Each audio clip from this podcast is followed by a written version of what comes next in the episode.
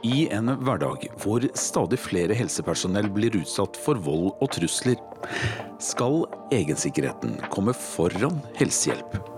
Og hvordan sikrer man seg mest mulig for at egensikkerheten blir best mulig? Velkommen til Akuttjournalen, hvor egensikkerhet for helsepersonell er dagens tema.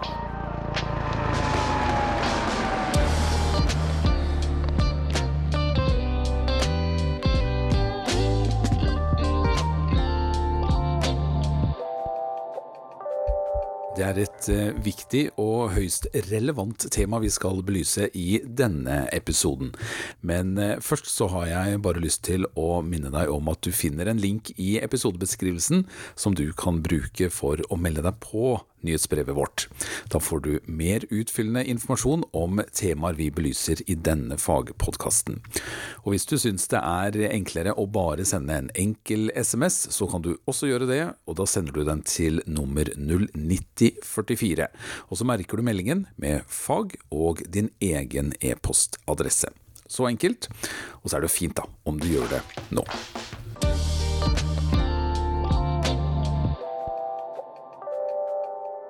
Økende voldforekomst er et alvorlig problem som bør imøtekommes med effektive tiltak og dokumentasjon av forekomst. Men det er et skrikende fravær av verktøy og tiltak som kan gjøres eh, prehospitalt for å redusere risikoen for vold trusler og de konsekvensene dette medfører, skriver førsteamanuensis eh, Kristin Heikø ved Avdeling for prehospitalt arbeid ved Oslo OsloMet, og fem andre kolleger i den prehospitale tjenesten i et debattinnlegg i Dagens Medisin 22.8 i år. En bevisstgjøring omkring vold og trusler og hvordan man kan forebygge og håndtere slike situasjoner, er altså helt nødvendig. Og noen av de som kjenner dette godt på kroppen, og som står i utfordringene nesten daglig, og som skal være med og belyse dette for oss i denne episoden, er eh, Roar eh, Blyverke. Du er eh, operativ leder for ambulansetjenesten i OUS.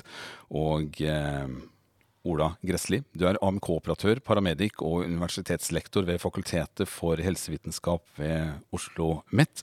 Du er også en person som har bachelor i paramedic.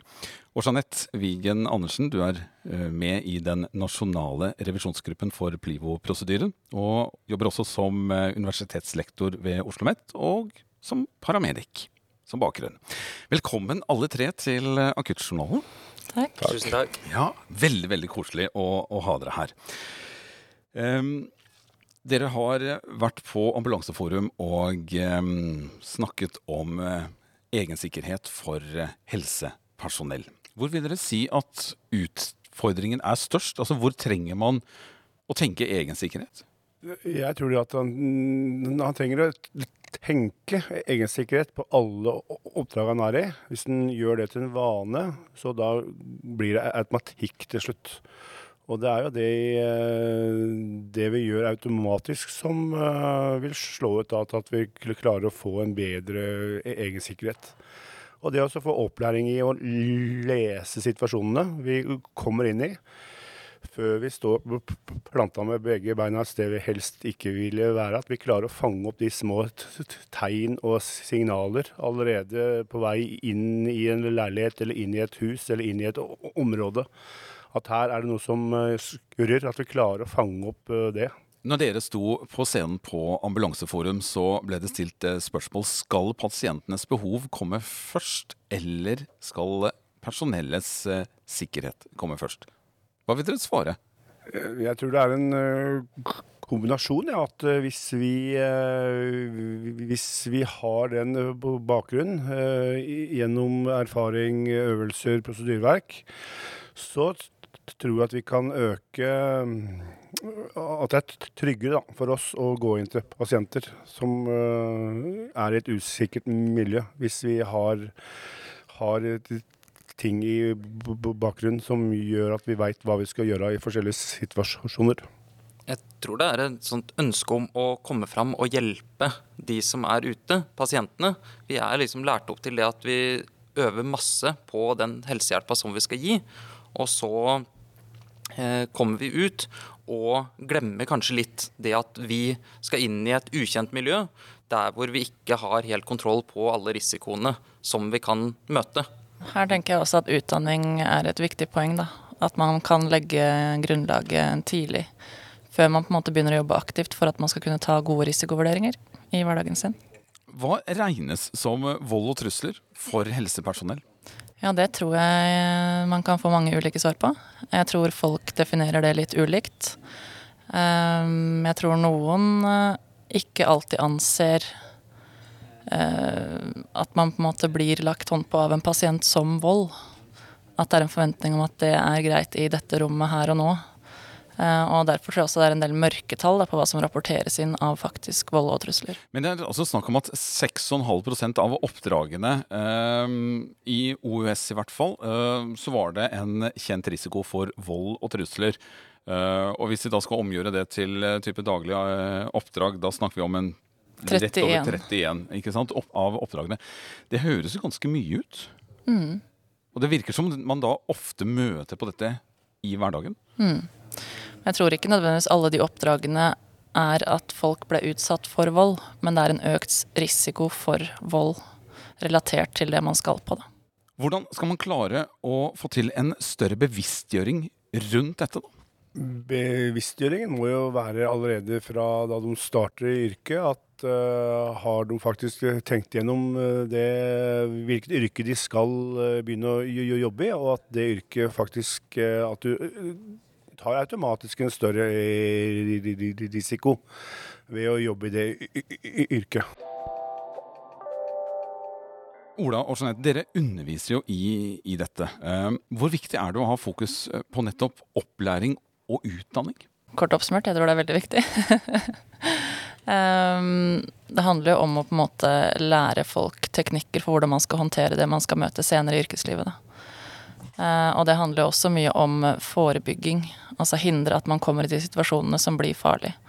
Ved å lære teknikker for å deeskalere uh, situasjoner, da. Eh, det er jo også viktig at man kanskje begynner å forske litt mer på det. Eh, sånn i forhold til å kunne ha gode verktøy og faktisk vurdere voldsrisiko ute. For per nå, det jeg sjekka i forkant av konferansen her, var jo hva er det vi har av tiltakskort på risiko. Eh, og da var det både oss og Vestre Viken har ett tiltakskort på risiko, hvor det bl.a. vises til BWC, da. Brøset Violence Checklist, som et verktøy for å vurdere sannsynligheten for utagering. Eh, og det er jo et verktøy som i utgangspunktet er tenkt til å vurdere pasienter over tid. Og ikke i en sånn akutt situasjon ute, da. Så vi har jo ikke så mange verktøy heller per nå til å faktisk ta de vurderingene som trengs. Så man trenger jo også på en måte å kartlegge det behovet og faktisk finne verktøy som passer i det prehospitale rom. Mm. For BWC er jo et verktøy som er utviklet primært og brukes mye mot psykisk syke eh, personer i dag, og er jo lite implementert inn i det prehospitale miljøet, mm. hvis jeg har skjønt det riktig.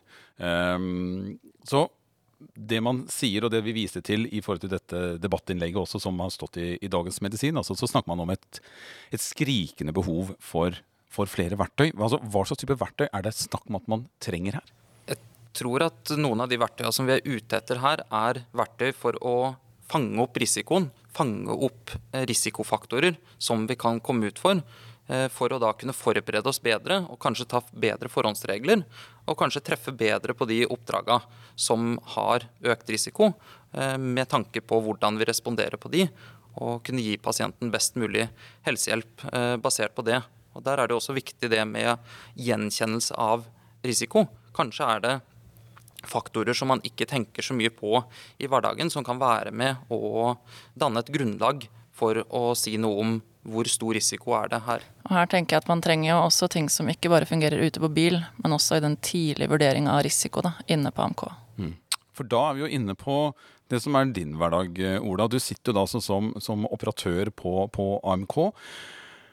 Og AMK har jo på mange måter eh, et stort ansvar for de bilene som sendes ut, og de menneskene som, eh, som skal jobbe uh, i møte med, med, pasientene. Ja, jo... Hvor, hvor, hvor, tidlig tenker man, eller hvor nødvendig er det at AMK tenker uh, sikkerhet uh, og risiko? Jeg tenker at det er fra man tar imot den nødtelefonen eller henvendelsen som kommer inn, så må man begynne å tenke og se etter risikofaktorer. Følge med i samtalen og se da hvis det da blir et oppdrag som vi skal respondere på, så må vi sørge for at vi da får kartlagt de eventuelle risikofaktorene som eh, vi kan gjøre over telefon, sånn at det blir så sikkert som mulig for de som da skal ut og hjelpe de som har behov for hjelp.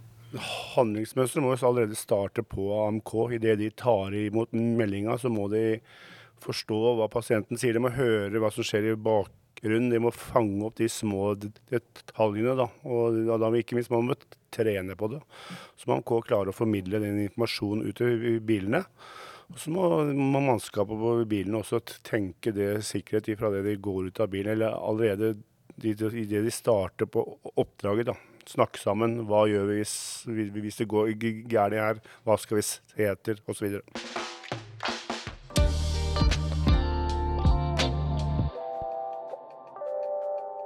Hvis vi skal ta et lite tankeeksperiment her, da, eh, og så tenke et, det som kanskje er et vanlig, normalt oppdrag. Eh, en pasient ringer inn, brystsmerter. Hvorfor er det nødvendig å tenke egensikkerhet på en, på en sånn melding? Jo, vi veit jo i utgangspunktet ikke hva som møter oss bak den døra. Oss, den pasienten med brystsmerter. Der kan det være flere enn den ene pasienten som har brystsmerter. Derfor må det oppdraget allerede starte hos AMK, som uh, tar imot oppdraget. Klarer å stille de riktige spørsmålene, ikke bare om brystsmertene kanskje, men om det er noen andre i huset osv. Og så må de på bilen allerede da lese på oppdraget når de er på vei. Og hvis de føler de mangler informasjon, så må de be AMK innhente det på forskjellige måter. Og så må de, de, de, diskutere seg i bilen. da. Hva, hva, hva, gjør vi hvis det går galt her? Hvis det er flere i huset? Det, det, kan være bare sånn at pasienten har ei bikkje som er mannevond, som ikke kommer inn til pasienten. Har vi noen plan for hvordan vi skal klare å løse det oppdraget da? Og så må vi tenke på at vi skal ha bistand av noen, medisinsk bistand eller andre. At vi sørge for at de som kommer og hjelper oss, uh, kommer inn. og Eksempelvis å legge et teppe i døra. Så enkelt. Mm. Slik at det, den ikke går i smekk? Så ikke den går i smekk, og vi, ingen som kommer og får hjelpe oss. Uansett hvilken bistand vi skal ha, da, hvis vi trenger legebistand eller noe sånt noe. Så at faktisk folk kan komme og hjelpe oss. Hvis vi gjør det på hvert e-, eneste oppdrag, så blir det automatikk i det. Og da, når du virkelig trenger hjelp, så er det folk som har mulighet til å komme inn. Hvor står helsepersonellet når de ringer på døra?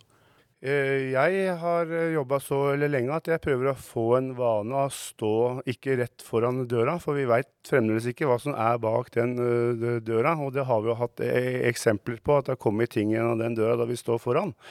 Så jeg råder jo alltid å gjøre den vane, stå ved siden av døra da de ringer på, for å ha den tryggheten.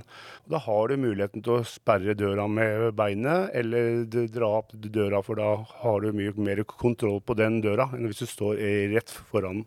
Hva tenker du på AMK, Ola, når du eh, får inn en eh, 113-telefon på, på, brystsmerter?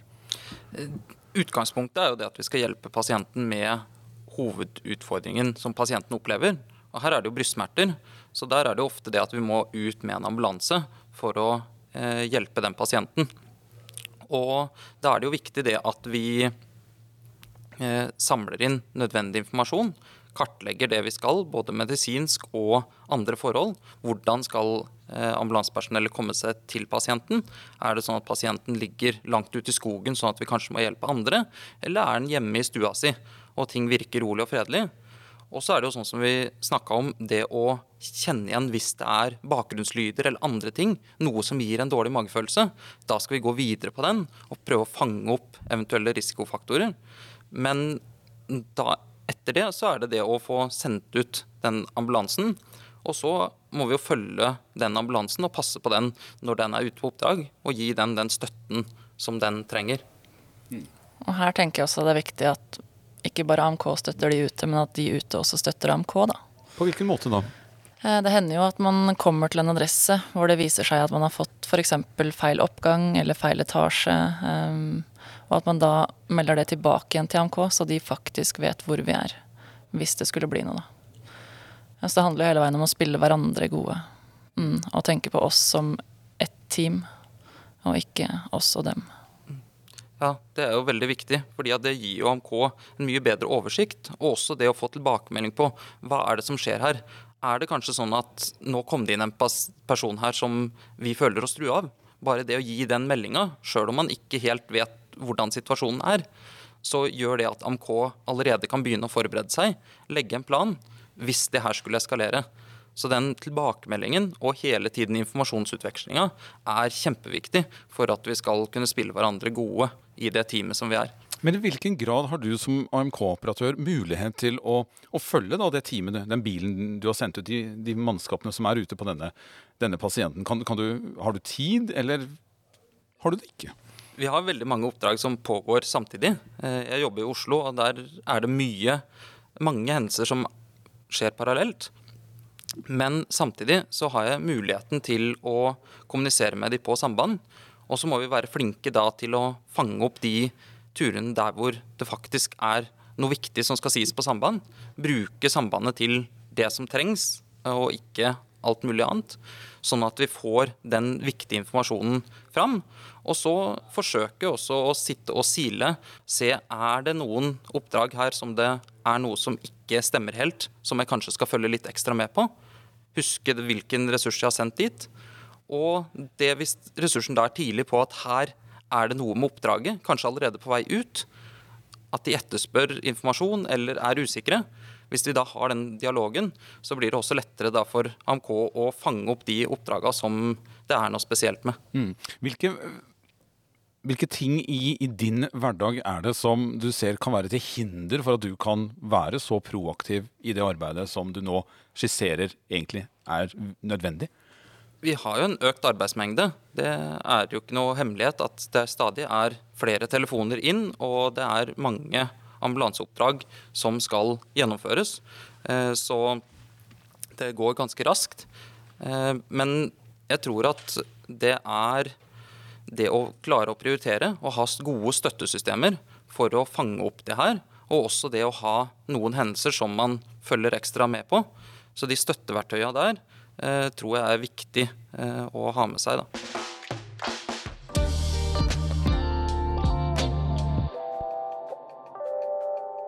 Roar, du har sagt at sambandet er livlinja.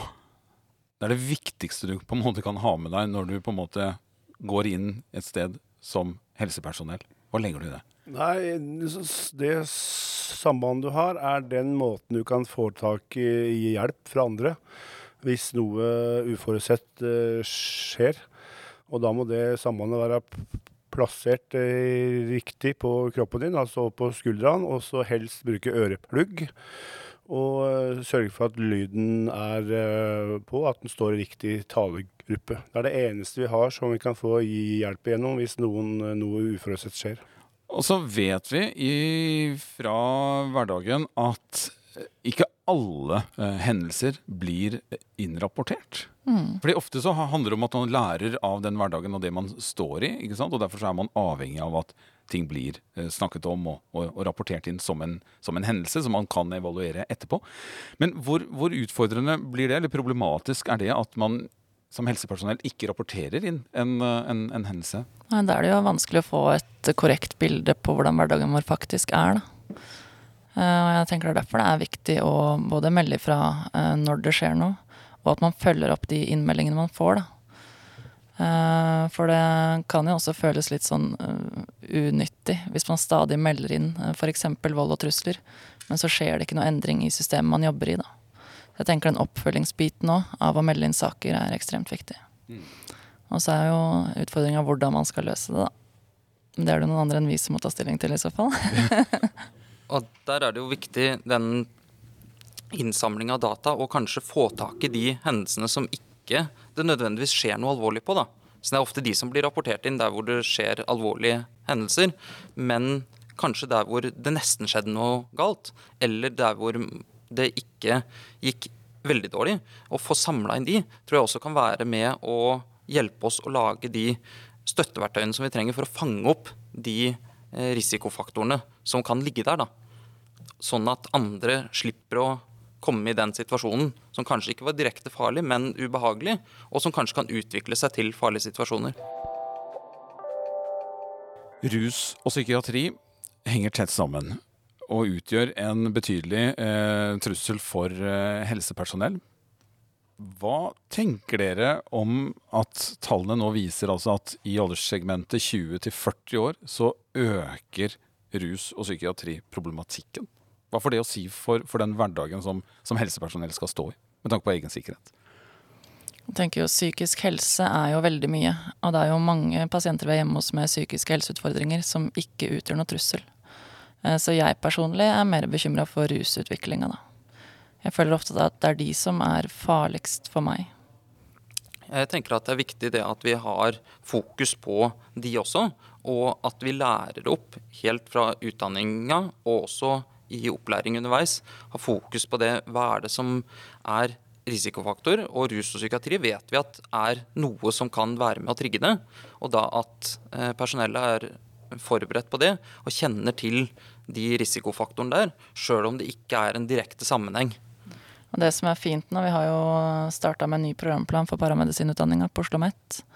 Eh, og da er jo psykisk helse og rus løfta mer fram, da. Og studentene får jo nå De har et helt eget emne om rus og psykiatri. Og i tillegg så får de nå også praksis eh, i rusomsorgen eller i psykiatriske institusjoner, da som kan på en måte være med å legge til rette for en bedre forståelse av hvordan vi skal håndtere de pasientene. Og Det er ikke noe tvil om at uh, rus- og psykiatrioppdrag de øker. Uh, spesielt da uh, rusoppdrag med nye rusmidler vi ikke veit åssen folk reagerer på osv. Så, videre. så det er en stor økning der. Det ser vi spesielt i tettbygd strøk.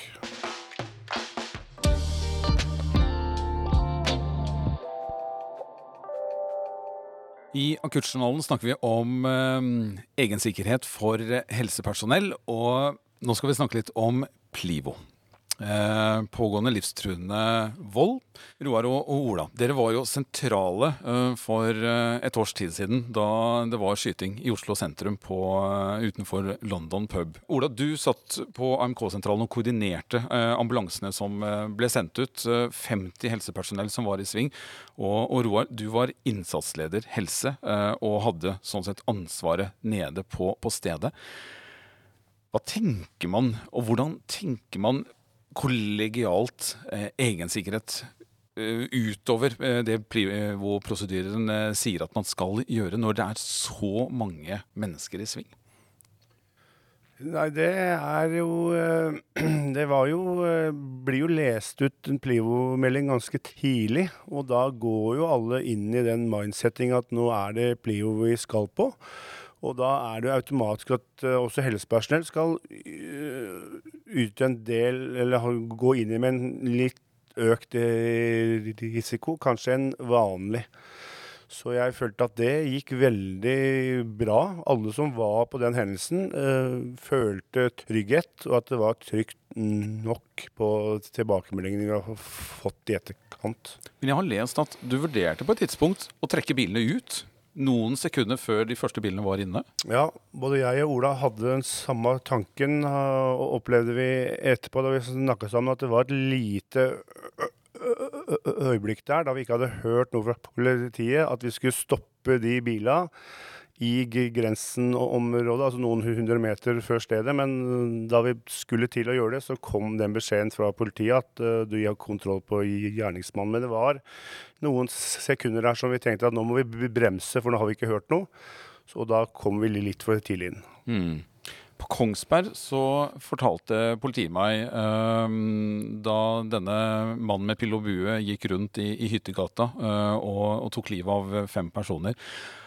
Så fortalte øh, politiet at øh, det var problematisk fordi det sto ambulanser klare til å kunne rykke inn, men man hadde ikke altså fått sikret området. Um, og jeg ville tro at man sto overfor noe av den samme utfordringen i Oslo også, altså hvor helsepersonell ofte er veldig raskt på plass. Men man vet ikke noe. Og hva slags, hvor, hvor, vanskelig blir da den vurderingen som vi startet med? Skal man tenke helsehjelp først, eller skal man tenke egen sikkerhet? Han skal alltid tenke egensikkerhet. Det er for så vidt eh, er derfor vi har laga denne miljøprosedyren, for vi skal ha et kjent handlingsmønster. Og at det er egentlig andre som skal Eller politiet skal vurdere da, om det er trygt nok. Men det er det når vi har alltid en egen vi, skal alltid vurdere egen sikkerhet for meg selv. Hvis ikke jeg føler det er trygt nok, så kan vi ta en fot i bakken. Mm. Ola, var det noen situasjoner du sto i da du koordinerte bilene, hvor du så at det ble utfordrende i forhold til egen sikkerhet?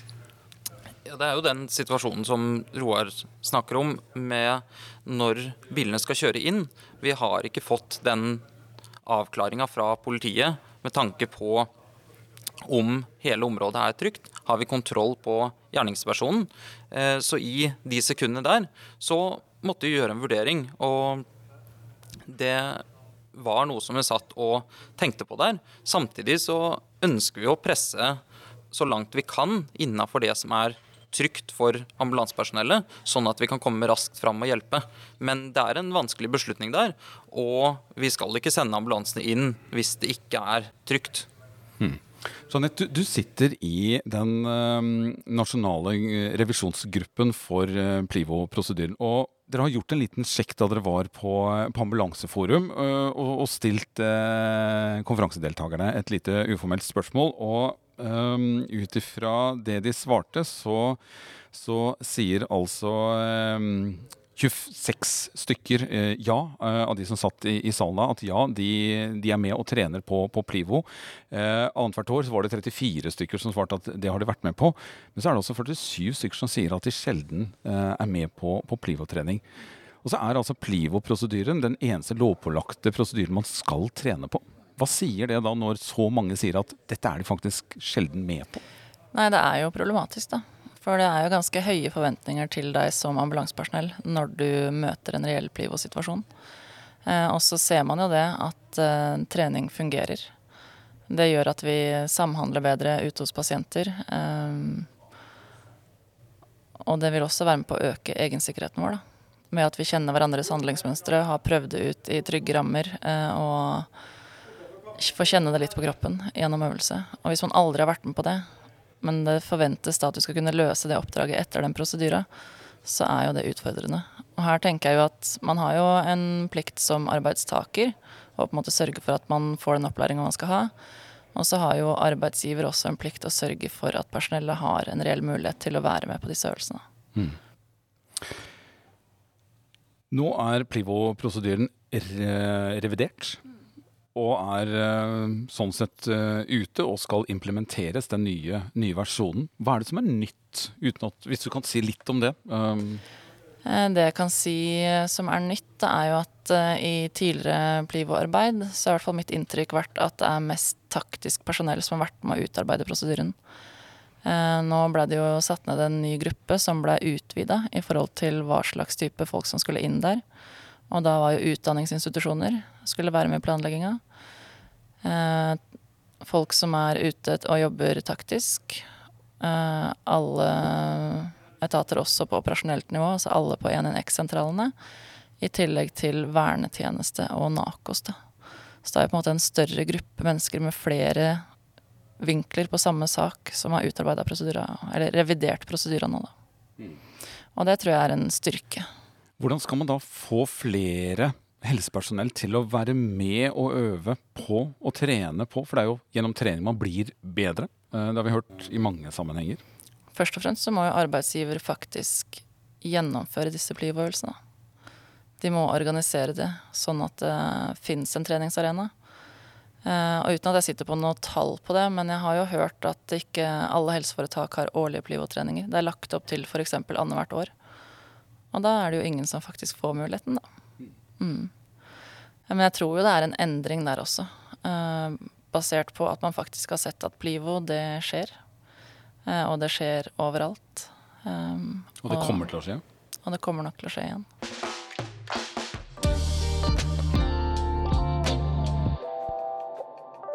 Vi har kommet dit hvor eh, dere straks skal få oppsummere litt, men først skal vi bare minne deg som lytter om at vi sender ut relevant faglig informasjon knyttet til denne episoden i form av et nyhetsbrev. Og registreringen er enkel. Bruk enten linken du finner i episodebeskrivelsen, eller send en SMS til 09044 og merk meldingen med fag og din egen e-postadresse. Da er jeg litt spent til å høre hva dere vil trekke frem som de viktigste eh, tankene og eh, rådene, for det er det dere på mange måter gir her, eh, i forhold til å tenke egensikkerhet for eh, helsepersonell. Begynner med deg, eh, Jeanette. Ja, jeg tenker jo først og fremst så må det jo starte på utdanningsnivå. Eh, at man faktisk lærer studentene sine det de trenger for å håndtere en usikker arbeidshverdag, da, hvor man vet at man er eksponert for vold og trusler. Eh, både gjennom eh, forelesninger, men også gjennom praktisk trening og Hva er ordet jeg leter etter? Relevant praksis. Mm. Ola? Jeg tenker at noe av det viktigste her er det samspillet i teamet særlig mellom ambulanse og AMK, men også med andre som er med i de hendelsene her. Jobbe godt sammen, og det å spille hverandre gode. Da kan vi også hjelpe hverandre å fange opp de risikofaktorene tidlig. Om det er et helt vanlig ambulanseoppdrag der hvor ambulansen gir innspill til AMK, eller at AMK gir en hint til ambulansen om at her bør dere kanskje se dere godt om. Så det tror jeg kanskje er de to tinga som jeg vil trekke fram her. da. Ja, og det er at alt ambulansepersonell, uh, uansett oppdrag, har det i bakhuet at her uh, tar vi en liten uh, runde på risikovurdering og egen sikkerhet og hva som kan skje. Og at de har en plan for ting hvis det skjer. At de gjør gode vurderinger hele tida under jobbhverdagen din. Det tror jeg da blir risikoen mindre og egensikkerheten høyere. Du har lyttet til en fagpodkast fra stiftelsen Norsk Luftambulanse. Og de som har medvirket i denne episoden er Roar Blyverke, Ola Gressli og Jeanette Wiggen Andersen. Mitt navn er Per Håkon Solberg, og Hans Morten Lossius er vår ansvarlige redaktør.